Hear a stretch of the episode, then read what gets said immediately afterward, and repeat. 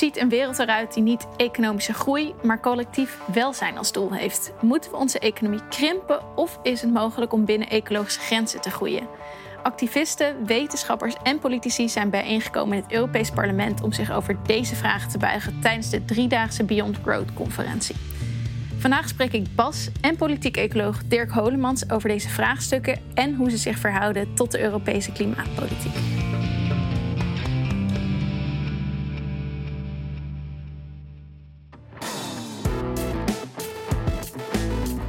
Welkom bij Bellen met Bas, de podcast over Europese politiek waarin we bijpraten met GroenLinks-Europarlementariër Bas Eickhout. Mijn naam is Mijke Vedder.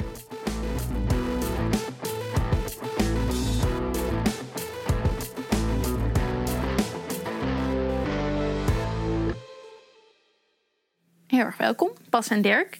Een heel speciaal welkom voor Dirk Holemans. Jij bent directeur van de Vlaamse denktank Oikos en co-voorzitter van de Green European Foundation. Jij bent hier ook al sinds gisteren. Ja, zeker. Gisterochtend. Ja. Wat, wat zijn jullie indruk van de conferentie die nu uh, dus al twee dagen bezig is? Wie lopen hier allemaal rond? Nou, het is gewoon fantastisch. Het is, het is ja, misschien een kleine 2000 mensen en het is heel uiteenlopend. Je hebt uh, mensen van de academische wereld en, ik zal maar zeggen, van uh, de hoogleraars tot de studenten. Uh, je hebt mensen van administraties, je hebt activisten, mensen van denktanks en vooral heel veel jonge mensen. Dat is onwaarschijnlijk, uh, ik zou zeggen, geeft heel veel energie. Ja. Ik denk, Bas kan het getuigen, denk dat er normaal gezien niet zoveel jonge mensen zijn hier in het parlement. Vooral, vooral, dat laatste. Ik denk dat een aantal collega-Europarlementariërs geschokt rondlopen wat al dat jonge gespuis in het parlement ja. doet. Uh, nee, dat, dat is echt het leuke om te zien. Dat je, dat je merkt dat deze discussie heel erg leeft, juist bij een jong publiek. En, en dat verbaast me ook wel uh, eigenlijk, in een positieve ja, zin. Dat, dat wist je gewoon echt niet. Nou, dat kijk, dat je, zo weet, leefde. je weet dat dit een discussie is die echt wel leeft en, en eigenlijk ook steeds meer mainstream mm -hmm. aan het worden is. Uh, maar dat het juist ook wel gewoon bij het jongere publiek van, van ja, hier moeten we het over hebben. We hebben gewoon een probleem met ons economisch model en daar moet het over gaan. Ja, het is gewoon interessant dat, dat eigenlijk het, het relatief echt een jong publiek is wat, we, uh, wat we hier zien in het parlement. En, en dat zijn we niet altijd gewend, nee. Zeker niet met de Europarlementariërs. Die hebben toch een gemiddelde leeftijd van plus 60. Ja, Ja, Dus dan is is even dit, een uh, iets ander Is even een ander publiek in het Europees parlement. Nou, Ja. Dat mag ook wel een keer. Ja, lijkt me een heel goed teken. Hoopvol. Ja, absoluut. Ja, wat Dirk zegt geeft heel veel energie. Ja. ja, want die discussie waar het over gaat, die is eigenlijk al wel een tijdje aan de gang. Want het wordt steeds duidelijker dat het huidige economische systeem, ja, wat gebaseerd is op oneindige groei, dat dat niet houdbaar is. Dat is het meest duidelijk door de klimaatcrisis, denk ik. Uh, maar hoewel dat wel steeds voelbaarder wordt, is toch nog heel veel van ons beleid wel gestoeld op die uh, economische groei. Ja, de vraag is dan, moet en kan dat ook anders? Daar gaat het hier deze dagen over. Eerst die vraag, moet het anders? Er zijn daar nogal veel verschillende stromingen in. De conferentie hier die gaat expliciet niet over degrowth. Het heet niet de degrowth conferentie, maar de Beyond Growth conferentie. Dat zit een beetje tussen degrowth en green growth volgens mij in. Hoe kunnen jullie toch een poging doen om kort uit te leggen wat die stromingen zijn en hoe, hoe jullie daarin staan? Nou, Dirk, jij eerst. Oké, misschien belangrijk om te zeggen dat uh, degrowth, de term is uh, al een hele tijd geleden gekozen door een aantal mensen die zeiden van wij willen echt inbreken in het debat met een concept dat je niet kan recupereren. Ja, want ja, zoveel tijd terug was het, uh, we moeten duurzame ontwikkeling promoten. Ondertussen is zelfs de grootste vervuiler duurzaam bezig, om het zo te zeggen. En dus het is in de eerste plaats een filosofisch concept dat het dominante narratief in onze samenleving. We moeten vooruitgaan en vooruitgang uh, uitzicht in onze samenleving als meer materiële groei, meer mm-hmm. spullen hebben. Mm-hmm. We willen eigenlijk ingaan tegen dat dominante verhaal en daar filosofisch iets anders zetten. En uh, dat is degrowth. En eigenlijk moeten we eerst een stukje, zeg maar, de economie, een stuk minder energie, minder grondstoffen. En dan kunnen we evolueren naar een postgroeisamenleving. Dan zijn we voorbij dat debat.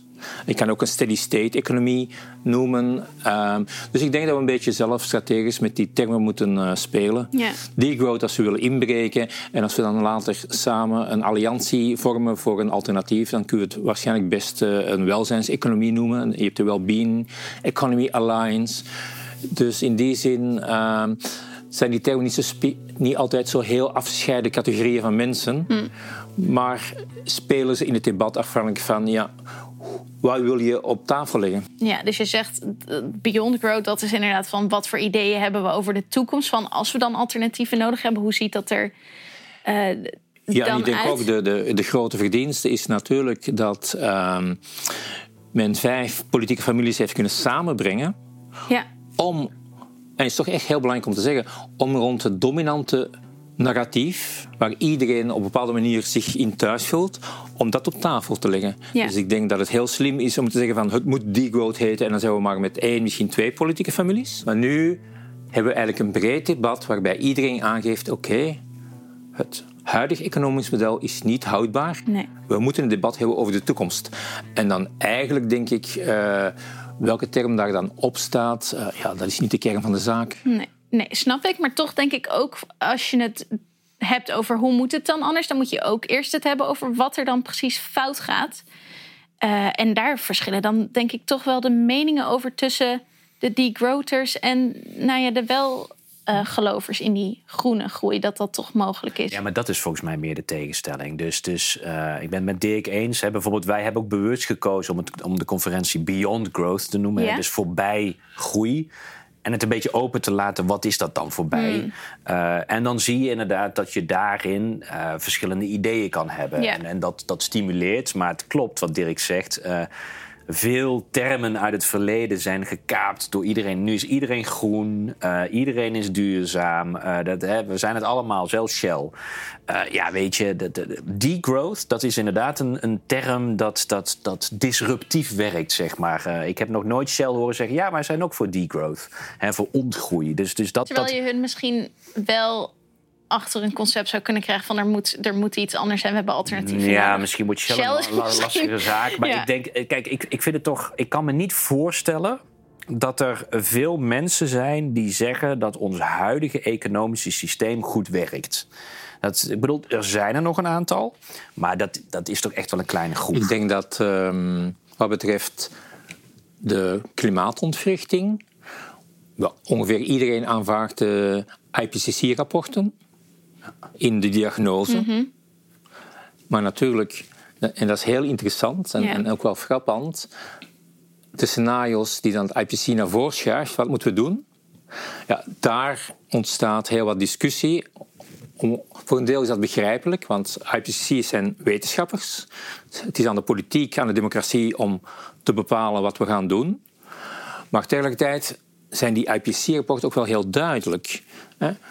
Het komend, dit decennium waar we in zitten, de komende jaren, zijn beslissend. Ja.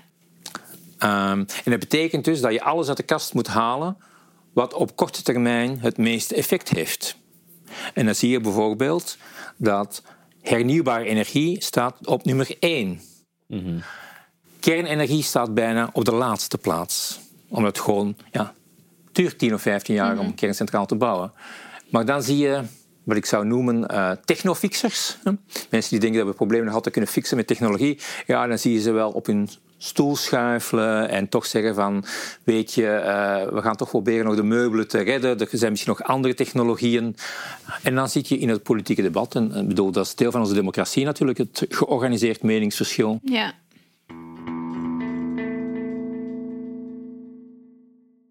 Is ook mooi. Ik heb me een beetje geprobeerd in te lezen in dat debat. En daar komen steeds eigenlijk een aantal dilemma's of argumenten naar voren... die ik jullie graag voor wil leggen. Kom maar op. Ehm, want ja, je ziet dan tussen die ontgroener, ontgroeiers en groene groeiers eigenlijk een, een, eh, een- nou ja, een paar stellingen. Eén daarvan is dat eh, dat gaat over dat ontkoppelen. Eh, jij noemde het net al technofixes. Ehm, er zijn mensen die zeggen economische groei is helemaal niet het probleem. Het levert ons juist welvaart op. We moeten er alleen voor zorgen dat we die economische groei duurzaam inzetten. En dus loskoppelen van vervuiling en uitstoot. Maar dat gaat regelrecht in tegen het idee dat, nou ja, dat aan elkaar vastzit en we dat helemaal niet los van elkaar kunnen zien. Hoe, hoe staan jullie daarin? Dan zal ik beginnen en dan, Zeker. eh, dan vul, vul gerust aan, Dirk. Ehm, kijk, Het klopt dat we hier en daar wat ontkoppeling zien. Uh, en dat, dat, dat, dat is ook, het was interessant in de speech van Ursula von der Leyen, hè, de voorzitter van de Europese Commissie, die dus ook bij de opening van de conferentie was. Uh, wat al interessant is, omdat ik denk, nou ja, vijf jaar geleden, Juncker hebben we niet gezien. Laten we het, uh, laten we het dan daarbij houden. Nee, laat wel zien dat er echt iets aan het veranderen is. Ja, er is wel echt iets aan het veranderen. maar in haar speech uh, deed ze een, een, interessante lijn. Hè. Ze refereert wel naar Club van Rome. Hè. Ze kent haar klassiekers, zeg maar. Maar tegelijkertijd zegt ze ook wel heel duidelijk van... nou, in Europa zien we al die ontkoppeling. Maar waar hebben we het dan vaak over? Dan is het inderdaad over de uitstoot van broeikasgassen... Uh, ten opzichte van economische groei. En het klopt dat Europa daar een bepaalde mate van ontkoppeling ja, laat zien. Ontkoppeling betekent dus als het ene omhoog gaat, gaat het andere niet automatisch. Ja, precies. Dus, dus de groei gaat natuurlijk gepaard met, met uh, milieudruk. En eigenlijk de, de heilige graal van de, van de, uh, de, de, de ecomodernisten is die zeggen van we moeten ontkoppelen. Dus de groei gaat door. Die groei hebben we juist nodig voor innovatie, hè, investeringen in innovatie. En met die innovatie ga jij zorgen dat de milieudruk minder wordt. Dus we ontkoppelen groei van een groei in milieudruk. Dat is natuurlijk ook mogelijk. En ik denk ook eh, in die zin de discussie wordt soms wat zwart-wit gevoerd, alsof de, de, degene die voor ontgroei of, of beyond growth, hè, voor beide groei, dat die tegen innovatie zijn. Hm. Nee, ook ik en ook Dirk, denk ik, die, die zien heus wel in de rol van innovatie. Ik bedoel, een van de innovaties is bijvoorbeeld duurzame energie. Tuurlijk uh, is dat van belang dat dat in onze, onze uh, ontwikkeling en in onze transitie een, een rol speelt. Alleen dat gaat ons niet alleen. Het is onvoldoende. En ik denk dat daar nu de discussie op gaat komen. Juist ook met meer die ecomodernisten die altijd zeggen: nee, maar het, het moet gewoon. Die groei hebben we nodig voor innovatie, punt. Maar ga en, en daar kom je bijvoorbeeld met. Kijk naar uh, hele simpele voorbeelden: auto's. Uh, we proberen natuurlijk de auto's schoner te maken. Daar zijn we mee bezig. Dat wordt op een gegeven moment. Hè, we zijn van paard en wagen naar de verbrandingsmotor gegaan. We gaan naar de elektrische motor. Er zijn nog een paar liberalen in Duitsland die zich daartegen verzetten. Maar goed, dat is toch een beetje de modernegene die zich verzetten tegen het, het aankomen van de auto. Die wilden gewoon met paard en wagen blijven doorgaan. Um, en, en dus kun je zeggen, nou geweldige innovatie, we gaan nu met de elektrische motor. Maar het punt is ten eerste, wat we tot nu toe zien, is dat de verminderde milieudruk die wij haalden uit het efficiënter maken van de auto's, teniet werd gedaan door steeds grotere auto's te maken. De SUV, die eigenlijk gewoon de, de opkomst van de SUV in heel de wereld heeft elke milieuwinst teniet gedaan. Dus, daar... dus innovatie had iets opgelost, maar heeft tegelijkertijd Precies, ook weer een dus daar zie je die ontkoppeling al nou, niet echt helemaal lukken, Ja. laten we het zo zeggen. Maar we komen nu bij de elektrische motor en dan, en dan worden groenen terecht uitgedaagd. Hallo, de elektrische motor heeft batterijen, daar zitten allerlei materialen in en daar worden we terecht op uitgedaagd. Als wij elke verbrandingsmotor gaan vervangen met een elektrische motor, dan hebben we nog steeds een heel groot probleem. Ja. Dan hebben we nog heel veel andere milieuproblemen met grondstoffen, met congestie, met, eh, met allerlei zaken. Dus het alleen maar één op één vervangen van een verbrandingsmotor met een elektrische motor is onvoldoende. En dat is toch echt iets waar ik de ecomodernisten dan vrij weinig over hoor. Ja, in dit voorbeeld zullen ze zeggen: ja, we zijn ook wel voor openbaar vervoer. We zijn ook wel voor een andere manier van transport in de steden. Maar eigenlijk zit je dan al in een andere discussie. Nou, en eigenlijk de voorbij groeidebat wil deze discussie in alle sectoren hebben. Want dit is dan een simpele voorbeeld van transport. Maar dan zie je al dat de oplossingen echt veel meer systemische veranderingen zijn. Nou, en dat is eigenlijk in elke sector nodig. Wil je echt volledige ontkoppeling hebben. En niet alleen maar uitstoot van broeikasgassen en economische groei. Waar soms de ecomodernisten op lijken te fixeren. Ja. Dus je zegt die technologische oplossingen, dat zijn niet de enige oplossingen. Maar we moeten er wel op blijven inzetten. En daarnaast ook voor systemische oplossingen zorgen. Misschien, Nu komt Dirk. Oké. Ja, misschien eerst even zeggen van ik ben een eh, van basisopleiding ingenieur, dus eh, best wel fan van technologie en innovatie. Maar ehm, ja, als je kijkt naar ons systeem, kapitalisme, dan heeft dat een eh, bijzonder effect, namelijk dat eh, als je winst maakt door efficiëntie, je gaat bijvoorbeeld eh, auto's maken en je hebt daarvoor minder energie nodig, dan is het niet zo dat de fabrikanten maar evenveel auto's gaan blijven produceren en ze misschien iets goedkoper gaan maken, want ze hebben, de kostprijs is lager. Ze gaan gaan gewoon meer auto's verkopen. Dat heet het rebound effect. Ook individuen, mensen die zeg maar, uh, en dat is nodig, ze gaan hun huis isoleren. Daarmee sparen ze een paar honderd euro uh, uitgaven aan verwarmingsfactuur. Als ze nou zeggen tegen elkaar, nou fijn, we gaan onszelf belonen met een uh, citytrip naar Barcelona met vliegtuig, dan stijgt de milieudruk. Dus zolang we de efficiëntiewinst herinvesteren in meer productie en meer consumptie, is eigenlijk het effect veel te klein. Terwijl, ik ga het toch nog een keer herhalen, we moeten de komende tien jaar radicaal die uitstoot naar beneden halen. Radicaal. Dus een beetje ontkoppeling, 1, 2 procent. Het zal wel, als je een kolencentrale sluit, vervangt door een windmolenpark. Maar dat is veel te traag. En daarbij komt dat tot nu toe elke procent economische groei is ook gewoon 1% extra materiale groei grondstoffengroei. En we weten dat grondstoffengebruik is rechtstreeks gekoppeld aan vernietiging van biodiversiteit. Ja. En biodiversiteit, volgens de wetenschappers van de Planting Boundaries, is zelfs een acuter probleem dan die klimaatontwrichting. En dus om het voorbeeld te nemen eh, dat Bas net gaf, als we zeggen van ja, we moeten die auto's elektrisch maken, want dan stoten ze geen broeikasgassen meer uit, en we gaan dus massief overal uh, die grondstoffen eerst uh, uit de aarde halen en dan brandstoffabrieken, uh, sorry, en dan batterijfabrieken bouwen die immens veel water nodig hebben. Dan gaan we eigenlijk de klimaatramp vervangen door een biodiversiteitscatastrofe. En dus dat holistisch denken, dat we maar één biosfeer hebben, die heel kwetsbaar is. Ik denk dat dat de kern is van mensen die, of het nu Beyond Growth pleiten of uh, Degrowth, van we moeten nu echt heel voorzichtig zijn, anders gaan we tipping points, omslagpunten overschrijden en dan zijn we gewoon bezig de tak aan het afzagen waarop we zitten. Ja, dus een technologie in de ene sector kan daar een probleem oplossen, maar als er tegelijkertijd nog steeds allerlei prikkels zijn waardoor grenzen op andere plekken worden overschreden, dan nou, zijn altijd, we daar nog niet heel veel mee verder. We, we, hebben al decennia de beste elektrische auto die er bestaat. Dat is de tram. Ja. Mooi. Een andere uh, stelling die ook vaak wordt ingebracht is dat we het niet moeten hebben over meer of minder economische groei, maar over herverdeling. Dat het probleem helemaal niet is uh, of we economisch groeien of niet, maar waar dat geld precies heen gaat. Dat het vooral rijke mensen zijn die nu uh, zoveel consumeren en daarmee uitstoten. En dat er een groot verschil is tussen het mondiale noorden en zuiden. Omdat westerse landen jarenlang economische groei hebben nagestreefd en daarmee welvaart hebben gecreëerd. Dus dat we die kans ook niet kunnen ontnemen aan landen die die ontwikkeling misschien nog niet hebben doorgemaakt.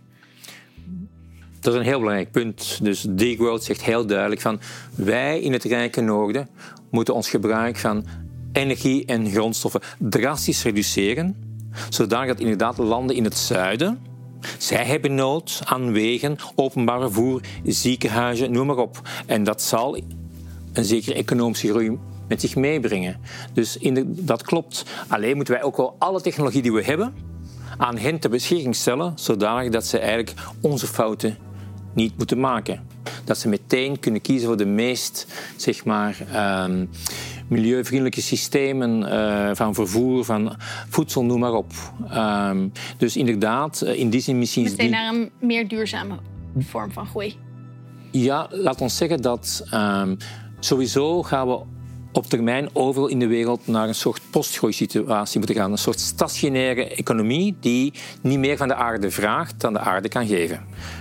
Maar om dat te realiseren moeten wij in het Rijke Noorden wat we nemen, onze ecologische gulzigheid moet eruit zodanig dat mensen in het zuiden inderdaad nog een stukje kunnen groeien, maar in de eerste plaats betere kwaliteit van leven. En daar hoort dan een zekere economische groei bij. Maar dat is niet het hoofddoel.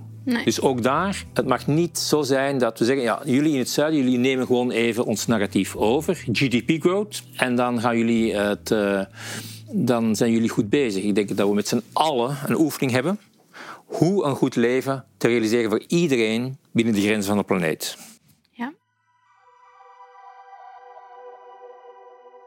Pas is het mogelijk, denk je, om dat er in delen van de wereld, in het Westen, dus een stap terug wordt gedaan, zodat andere landen juist eh, wel die stap vooruit kunnen zetten? Niet als je hem zo stelt.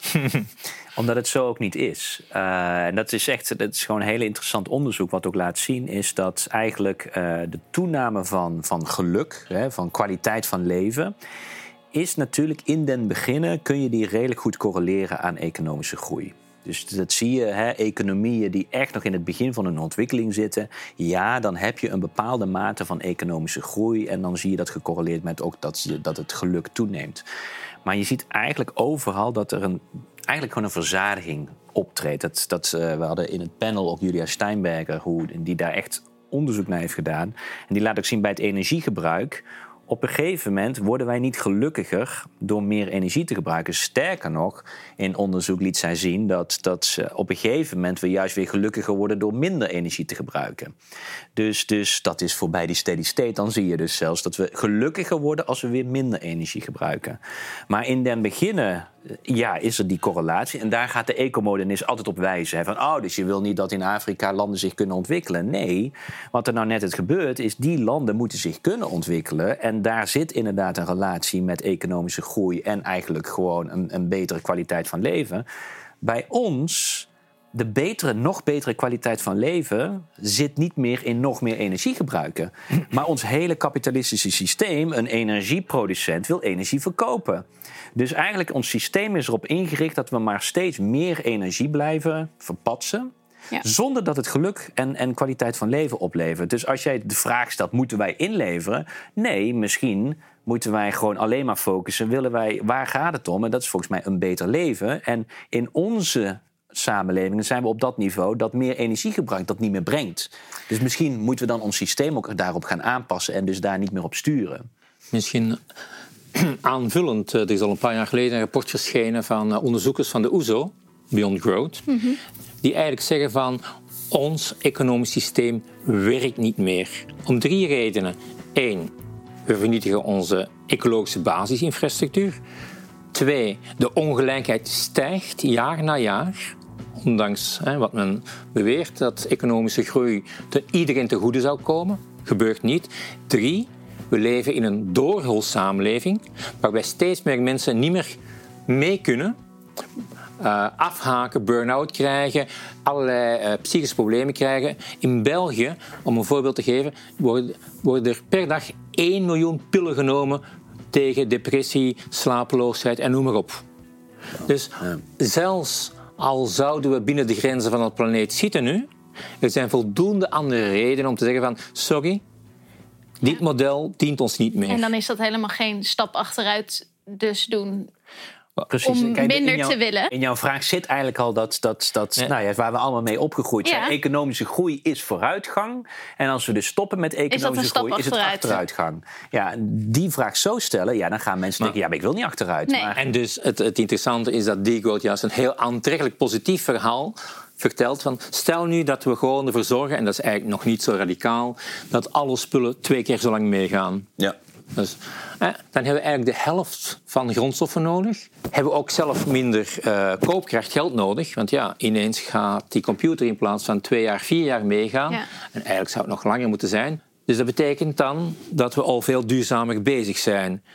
Dan zullen sommige mensen tegenwerpen. Ja, als jullie dan natuurlijk met z'n allen minder spullen kopen, dan gaan er minder jobs zijn.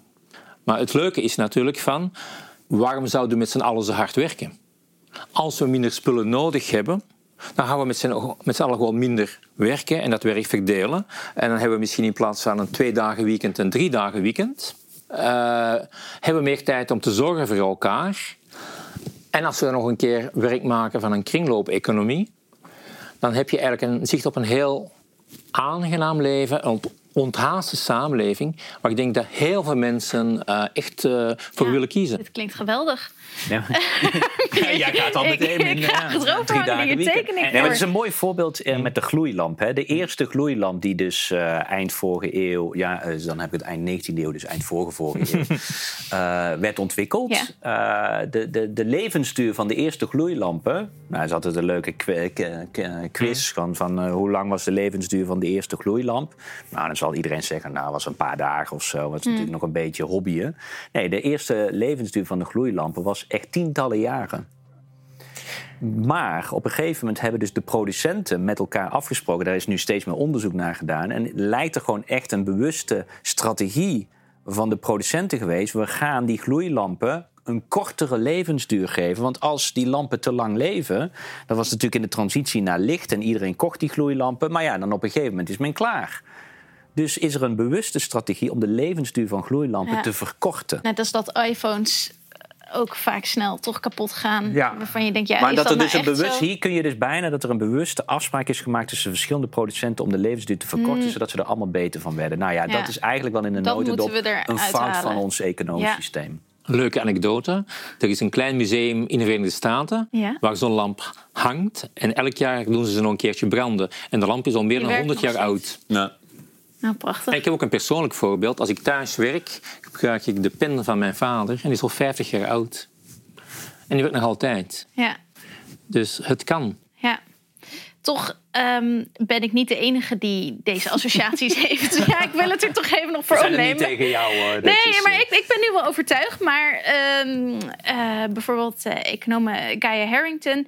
die, die schrijft... mijn bezwaar betreft vooral de term degrowth. Die doet mensen denken aan een recessie... met werkloosheid en sociale onrust.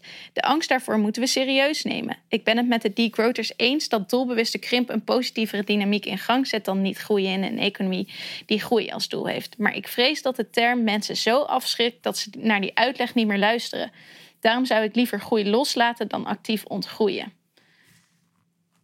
Kunnen jullie het daar. eh, Nou, ze heeft zeker een punt. En, en je herkent het ook. Hè. Je hebt bepaalde ehm, wetenschappers op deze conferentie, zoals ehm, Tim Jackson, Mhm. eh, maar zeker ook Kate Raworth met haar donut-economie, die zegt van ik ben agnostisch ten aanzien van groei, ik wil het daar niet over hebben. En ik denk dat dat inderdaad wel een eh, slimme strategie is. Ik zou bijvoorbeeld nooit een politieke partij adviseren, ga in die campagne met degrowth. Zeker niet. Maar laten we zeggen, het is een soort basisstelling. Het, er zit een soort wetenschappelijke kritiek, kritiek achter die we nodig hebben. Hoe je dan gaat mobiliseren, ja, daar heb je natuurlijk een positieve term voor nodig, dat is duidelijk. ja. Maar ik denk ook, kijk, het klopt natuurlijk ook in ons huidige economisch systeem. Als je dan ontgroei hebt, dan heeft dat allerlei nare gevolgen. Eh, en dat heeft ermee te maken dat, dat we eigenlijk, omdat we hè, in onze productiviteit steeds efficiënter worden, daar is het hele systeem op ingericht. Eh, ja, als je dan dezelfde economische groei zou houden, dan, eh, ja, als je dus één, één van die productiefactoren efficiënter maakt, dan moet het ergens anders, eh, moet je dat terugwinnen. En dat is dan vaak de, de, de product- productiviteitsfactor arbeid. Met andere woorden, in een huidige economisch systeem waarin we inzetten op steeds efficiënter produceren. En als je dan ontgroei zou hebben, zou dat betekenen werkloosheid. Dat klopt. En Omdat dat alles is, zo met elkaar verknoopt maar dat is de beleid. associatie omdat we een huidig economisch systeem. En Ja. dat is dan natuurlijk ook wat in deze conferentie gebeurt. Is dat we zeggen van jongens, kijk, dit moet je niet in zijn, in zijn, in zijn eh, eh, zeg maar stukje voor stukje. Dit vraagt echt een totaal andere verandering. Dan moeten we ook naar een ander economisch systeem. Ja. Nou ja, Dirk heeft het al. Dan moet je het dus ook gaan hebben van wacht even, misschien moeten we het dus over arbeidstijdverkorting hebben. Hier komen ook ideeën rondom eh, basisinkomen natuurlijk vandaan. Die zeggen van ja, dan moet eigenlijk ons sociale stelsel ook anders ingericht worden. Omdat alles nu ingericht is op groei. Dat houden, zodat we ook weer onze basisvoorzieningen kunnen blijven betalen. Nou ja, daar zitten allerlei. Dus het systeem is daar helemaal op ingericht. Dus als je nu in dat huidige systeem in één keer zegt. En nu wil ik ontgroeien. En dat is inderdaad waarom je dat nooit in een campagne kan gaan doen, want dat is ook zelfmoord. Want dan in het huidige systeem heeft het allerlei gevolgen die inderdaad verschrikkelijk slecht uitpakken. Maar het gaat over een debat naar een totaal ander systeem, waarin ook arbeid, waarin onze sociale voorzieningen anders worden ingericht. En daar moet je het in ieder geval over hebben. En dat is een beetje ook het doel van deze conferentie, om dus dat, en daarom heet het ook Beyond Growth. Kijk daar eens naar, wat betekent dat? En probeer met z'n allen gewoon inventief en, en, en eigenlijk hè, met, met, met, met eh, gewoon verbeelding. Absoluut. Hè, want dat zei Dirk in het panel. Soms is het ook gewoon een gebrek aan verbeelding. Probeer We kunnen ons niet eens meer voorstellen hoe het Precies, maar dat is ook logisch. We hebben zo lang in dit systeem gedraaid. Ja. Dat snap ik ook wel. Dus, dus dat, we, dat we voorbij de, onze eigen verbeelding moeten komen. Ik, Ja. ik denk echt, eh, zoals ik zei, deze ochtend in het panel van onze klimaatcrisis is in de eerste plaats een, een, een crisis van de verbeelding. We kunnen ons enerzijds bijna niet voorstellen hoe erg het is of wordt. Een derde van Pakistan overstroomt. Wie weet hoe groot Pakistan is. Dat is gewoon eh Benelux en Frankrijk samen. kunnen ook heel moeilijk een andere samenleving voorstellen. Dus dat is heel belangrijk. En ik denk, we, zitten voor, we staan voor een heel grote transitie. Mensen zijn sowieso al heel onzeker. Dus ik denk, we moeten ze nieuwe vormen van zekerheid bieden. En daarom denk ik dat een cruciaal voorstel van um, ontgroei zijn die universele basisdiensten. Op dit moment, alles is vermarkt. Dus hoe sta je in het leven? Ja, ik, wonen is ontzettend duur geworden. Dus dan ga je al een groot deel van je loon is al weg naar, naar uh, wonen. Dan heb je nog uh, je mobiliteit. Dan moet je voedsel kost, gezond voedsel kost veel. Dan ben je nog niet uh, uit geweest en zo. Dus je hebt gewoon heel veel geld nodig dat je alleen door te werken. Dus je moet hard werken. Beeld je in, en eigenlijk is dat niet zo grote. eigenlijk voor mij, ik ben wat ouder, vraagt dat niet zo'n grote verbeelding.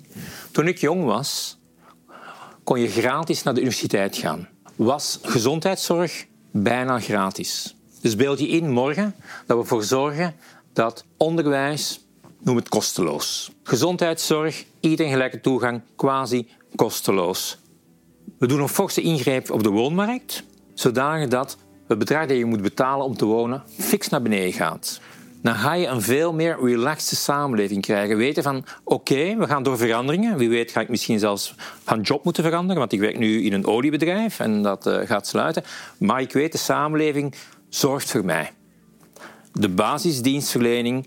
Ik moet geen angst hebben dat ik de school van mijn kinderen niet meer ga kunnen betalen. Ik heb geen angst dat ik niet meer naar de tandarts zou kunnen gaan. Al die dingen moeten we terug inzetten als universele basisdiensten. En ook Julia Steinberg heeft het deze ochtend benadrukt. Er zit zoveel inefficiëntie in ons marktsysteem, zowel qua menselijk welzijn als grondstof en energie. Als we gewoon terug die basisdiensten, ook een heel performant openbaar vervoer, mhm. neerzetten, dan hebben we dus meer service voor mensen en hebben we al een grote weg afgelegd van die uh, druk op het milieu die we moeten verminderen. Ja. Dus ik denk dat dat een essentieel voorstel is dat we heel sterk in de verf moeten zetten.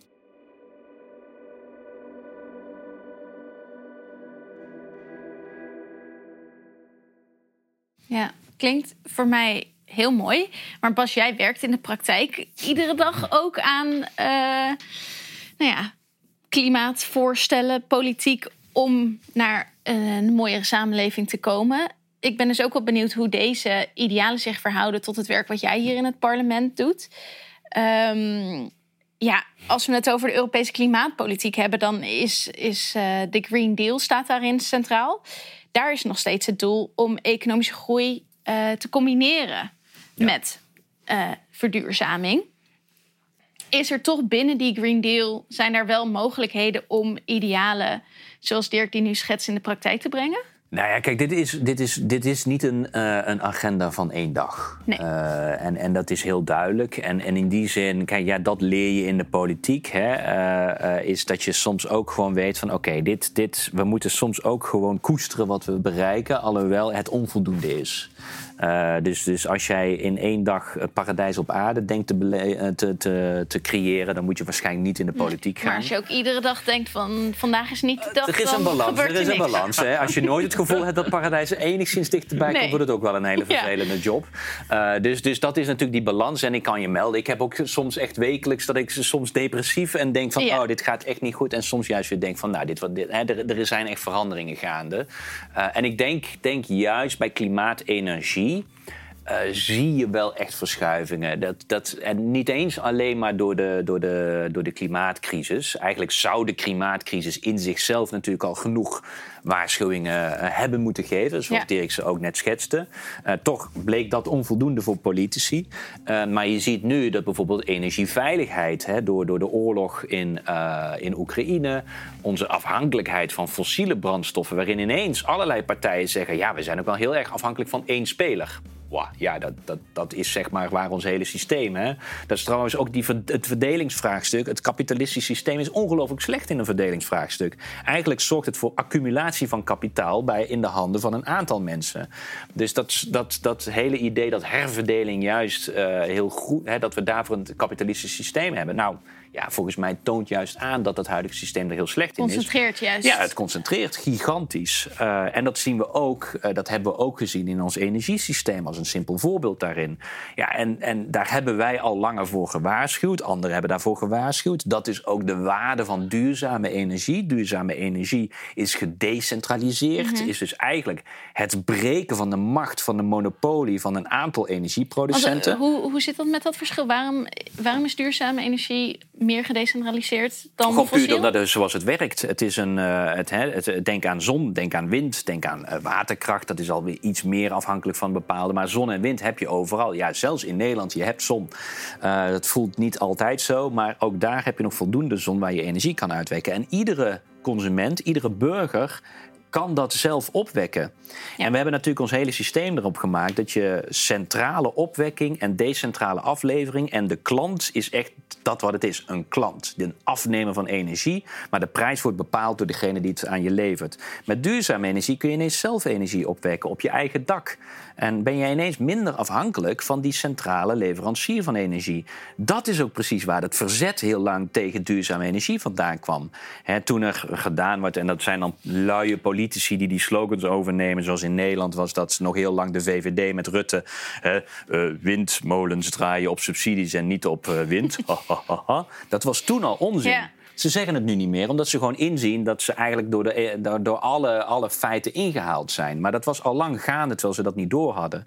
Dus die, het, het breken van die monopoliepositie van, van energieproducenten door duurzame energie is een fundamentele verschuiving in eigenlijk ons energiemodel. Dirk zal zo zeggen wat er nog meer moet gebeuren om dat beter te maken. Maar die verschuiving heeft ook echt wel de discussie in energieland ja. wezenlijk veranderd. Omdat dus het hele systeem nu moet worden herzien, kunnen de machtsverhoudingen ook veranderd Precies. worden. Uiteindelijk, uiteindelijk, het gaat om macht. Uh, in, een, in een kapitalistisch systeem. En in dat systeem is het vaak machtaccumulatie. Dus Ja. het opstapelen van macht. Nou, dat moet je juist doorbreken. Nou, en daar komt de hele democratiserings van energie-discussie Ja. vandaan. Wat duurzame energie mogelijk maakt. En dan heb je het echt over een hele andere discussie. En dan heb je het gevoel van, ja, hier zijn we eigenlijk al in de richting van zo'n beyond growth wereld aan het gaan. We zijn er nog niet. Want er zijn natuurlijk spelers die die veranderingen zien en proberen erop in te springen en die macht weer naar zich toe te trekken. Continu gevecht. Maar hier in het energiedebat is Er eigenlijk wel openingen. eh, ja, is een transitie, Ja. zoals we dat dan noemen, gaande.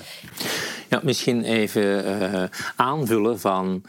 ehm, waarschijnlijk eh, is het, eh, was het al langer bezig, maar is het echt eh, gestart met de financiële crisis. Toen hebben veel burgers gezien van.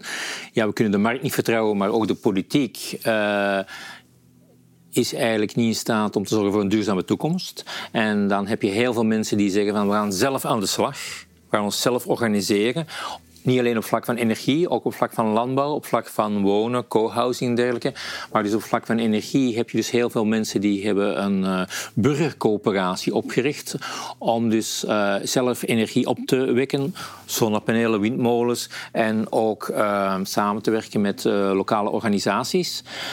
En als je bijvoorbeeld kijkt naar België, dan had je er één die al bestond al een hele tijd terug, EcoPower. Maar de laatste 15 jaar zijn er bijna 30 bijgekomen. Dus elke stad, elke streek heeft nu een energiecoöperatie. Die is in handen van burgers. Die halen bij zichzelf kapitaal op. Dat is democratisch intern eh, goed geregeld. Eén stem, één, eh, is, eh, één persoon heeft één stem. Of je nu één of twintig aandelen hebt. Meestal mag je trouwens ook niet meer dan 20 of 50 aandelen kopen als één persoon. Ze gaan ook uit van samenwerking. Is helemaal anders dan competitie op de markt. hè. Ja, het Twee- is dus fundamenteel al niet meer op groei Twee gestoeld. klassieke energiebedrijven gaan elkaar beconcurreren. De coöperaties gaan zorgen dat ze in verschillende gebieden zitten en hoe kunnen we samenwerken. Ja. En om het voorbeeld te geven van EcoPower, dat is toch wel heel, twee heel sprekende eh, cijfers.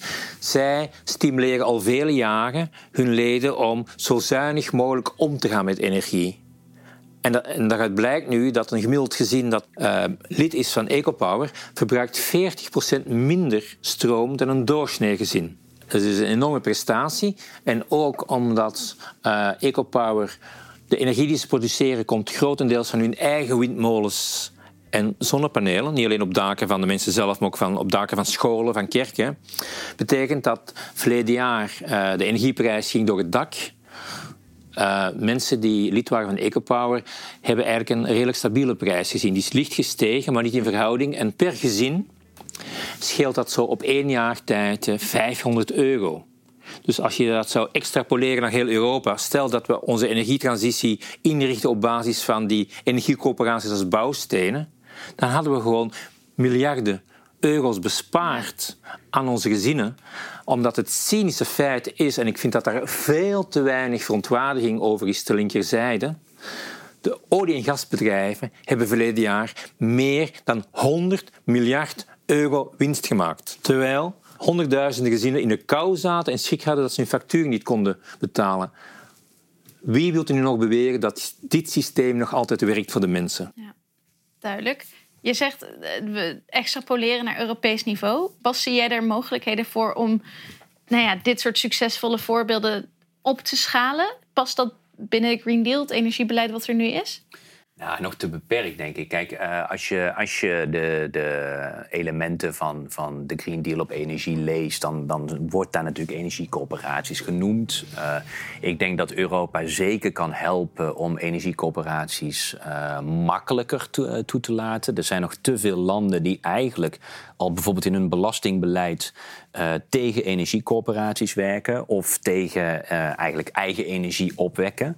Je hebt nog steeds in een hoop landen dat als je te veel. Ik heb gisteren met, met wat collega's uit Kroatië gesproken en die zeiden dat er een wet is die zegt dat jij niet energie mag, uh, meer mag produceren dan je gebruikt. Op het moment als je dat doet, word je aangeslagen als een bedrijf. Dus in één keer word jij als individu aangeslagen als bedrijf. Dat heeft allerlei consequenties die je niet wil.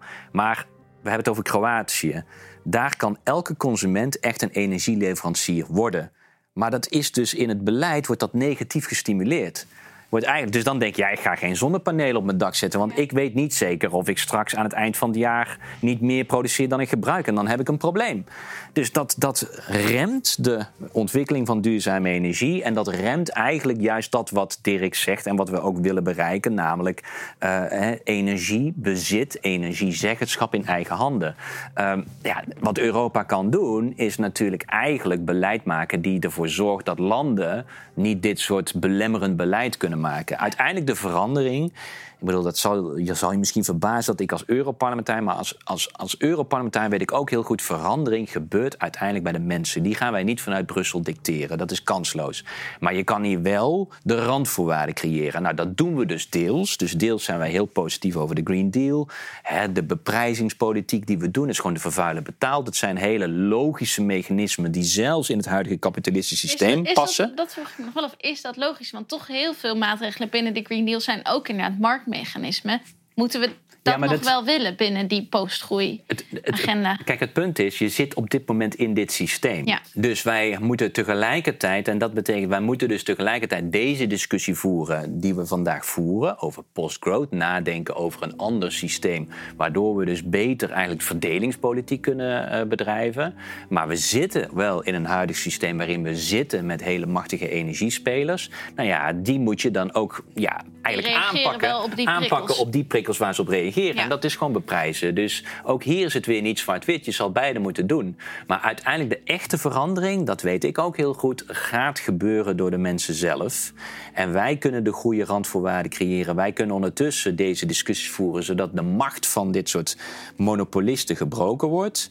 Maar uiteindelijk moet je niet de illusie hebben dat je vanuit Brussel hè, die andere samenleving krijgt. Dat zal uiteindelijk wel de consument moeten doen. Maar niet op de manier waarop wij het in Nederland vroeger deden. Hè, van een beter milieu begint bij jezelf, de verantwoordelijkheid ligt bij de consument. Nee, de politicus heeft de taak om het systeem te veranderen, zodat de consument eigenlijk in dat systeem beter tot zijn recht kan komen. En dan heb je de mogelijkheden en dat is die democratisering. En ik denk ook heel belangrijk is hier eh, de rol van het lokale niveau. Je ziet in heel Europa uh, steden die echt wel uh, willen inzetten op uh, sterke duurzaamheid. En die gaan samenwerken met hun burgers en bijvoorbeeld ook gaan de oprichting van zo'n coöperatie gaan ondersteunen. Daar ook samen projecten mee opzetten. Bijvoorbeeld gaan de coöperatie vragen, willen jullie op onze gebouwen zonnepanelen zetten? Dus ik, ik, geloof heel sterk in die wisselwerking tussen overheden, lokale overheden en dan burgers, civiele samenleving. Hè in ons klassiek marktdenken gaat het heel veel over privaat-publieke samenwerking. Ik denk dat het nu tijd is voor publiek-civiele samenwerking. Hoe gaat de overheid samenwerken met burgers om die duurzaamheidsdoelen te bereiken? En dan ga je ook mensen meekrijgen, eh, omdat het ook tegelijkertijd, transitie creëert onzekerheid. Dus we moeten mensen echt wel betrekken, we moeten ze vertrouwen geven uh, dat ze deel zijn van de oplossing en dat ze er ook kunnen bij winnen. Uh, want anders, ik hoef het niet te vertellen, er staan genoeg partijen aan de zijlijn die gewoon uh, zeg maar, van de onvrede gebruik willen Misbruik, maken. ja. Dus ik denk Ja. ook dat vertrouwen winnen van de burgers, erbij betrekken, is cruciaal voor onze democratie. Mooi.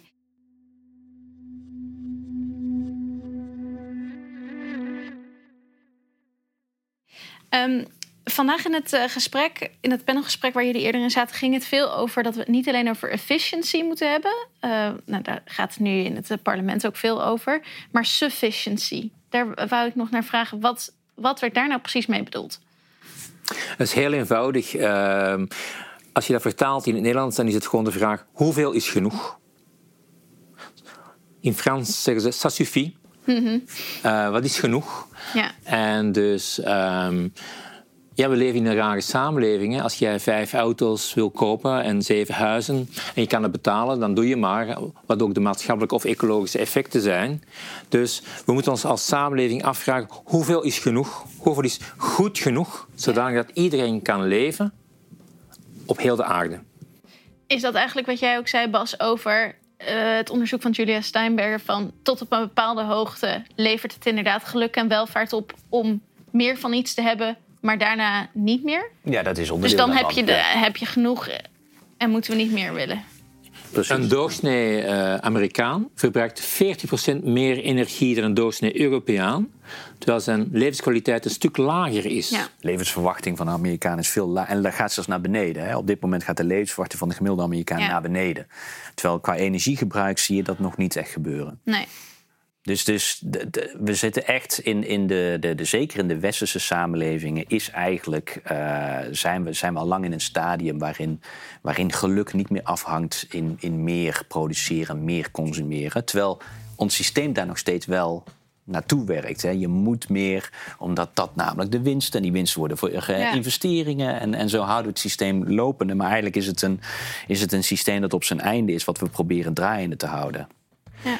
Ik gebruik heel graag de metafoor van ehm, een kind dat geboren wordt. Wat wensen de ouders? Nou, natuurlijk, die flink groeit, opgroeit tot een fijne tiener, uitgroeit tot een volwassen persoon. Maar dan hopen we toch echt dat die persoon stopt met groeien. Letterlijk. Ja. En zich gaat ontwikkelen als mens. En het gekke is dat we dat niet zien voor de economie. Alsof de aarde meegroeit als we steeds meer spullen in huis halen, dat we steeds meer grondstoffen uit de natuur halen, alsof die natuur groeit. Dat is natuurlijk niet zo. En dus, ja, mijn denktank heet oikos. Dus oikos is het Griekse woord voor huis. Wat is economie? Dat is de leer van het huishouden. En dus als ons huis niet groeit, de aarde, moeten we zorgen dat we de vraag hoeveel is genoeg goed beantwoorden. binnen Ja. het huis. Nou, het spreekt voor mij heel erg tot de verbeelding. Ik ben hier in ieder geval wel door geïnspireerd weer geraakt. Maar ik vroeg me ook af, wat hebben jullie nu tot de gesprekken die jullie tot nu toe hebben gevoerd hier eh, de afgelopen dagen? Hebben jullie daar nog nieuwe dingen gehoord, lessen geleerd? Wat, iets waar je de komende tijd mee aan de slag gaat? Volgens mij is het leuk als jij het laatste woord doet, Dirk. Eh, ik denk wat, wat voor mij gewoon belangrijk is. eh, als politicus zit je, merk je dan echt op, zo'n, op zulke dagen met deze conferentie, merk je in wat voor een ongelooflijk keurslijf je eigenlijk elke dag werkt. Eh, en dat is gewoon een keurslijf van ons huidige economische systeem. En als je niet uitkijkt, word je daar zelf ook onzeker van, van om daar tegen in te gaan. Eh, het- het- ik, ik moest er vandaag, ik heb ook een eh, sessie over voedsel gedaan. Eh, en, en daar hadden we het natuurlijk over de huidige discussie die we in Europa hebben. Over die natuurwetgeving die, die verschrikkelijk slecht uitpakt voor onze voedselzekerheid. Hè. De christendemocraten gooien voedselzekerheid erin van... we hebben gewoon onze landbouwsector nodig voor voedselzekerheid. En elke, elke, elke hectare die je nu voor natuur gaat opzij zetten... betekent het einde van de voedselzekerheid. Je creëert honger. Nou, op zich weet je dat dat onzin is. Maar het is gewoon heel goed om dan vandaag weer een wetenschapper te horen. Die heeft gewoon gezegd van jongens, kijk naar ons huidige landbouwsysteem in Europa. Ongelooflijk veel inefficiënties. Er is gewoon, zijn gewoon studies gedaan. We kunnen evenveel calorieën, evenveel eiwitten, gewoon alles wat we nodig hebben, produceren in Europa als we nu doen. Maar als we dat efficiënter doen, dus veel minder. Want eigenlijk, hè, ook hier weer, ons marktsysteem is helemaal niet efficiënt. Wat vaak het idee Ja. is.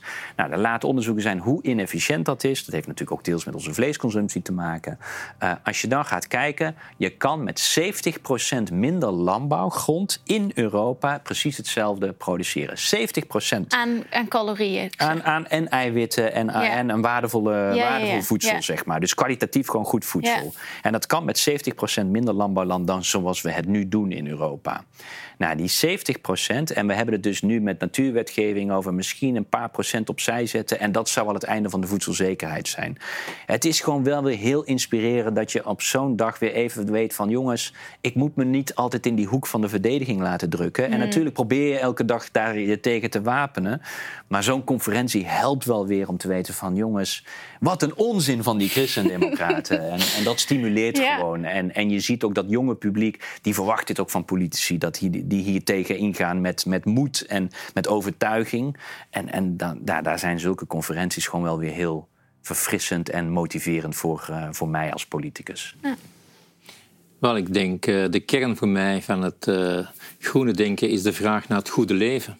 En ik denk dat dat we steeds op tafel moeten leggen van wat vinden we belangrijk. En ik denk als je mensen vraagt wat vind je echt belangrijk, dan is het dat ze zich kunnen ontplooien, waardevolle relaties kunnen aangaan met elkaar, natuur hebben in hun omgeving, in een goede gemeenschap leven.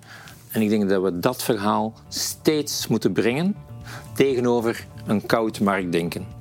Terug ziel brengen in de politiek. En dan denk ik dat we heel veel mensen kunnen meekrijgen. Nou, mooi. Dank jullie wel. Nou, we hebben Mike in ieder geval. al- Ja, ik ben helemaal overtuigd. ja, ik ga een keer weer blij naar huis. Ja, dank jullie wel allebei voor jullie bijdrage. Graag gedaan. Dat was hem. Met plezier. Ja.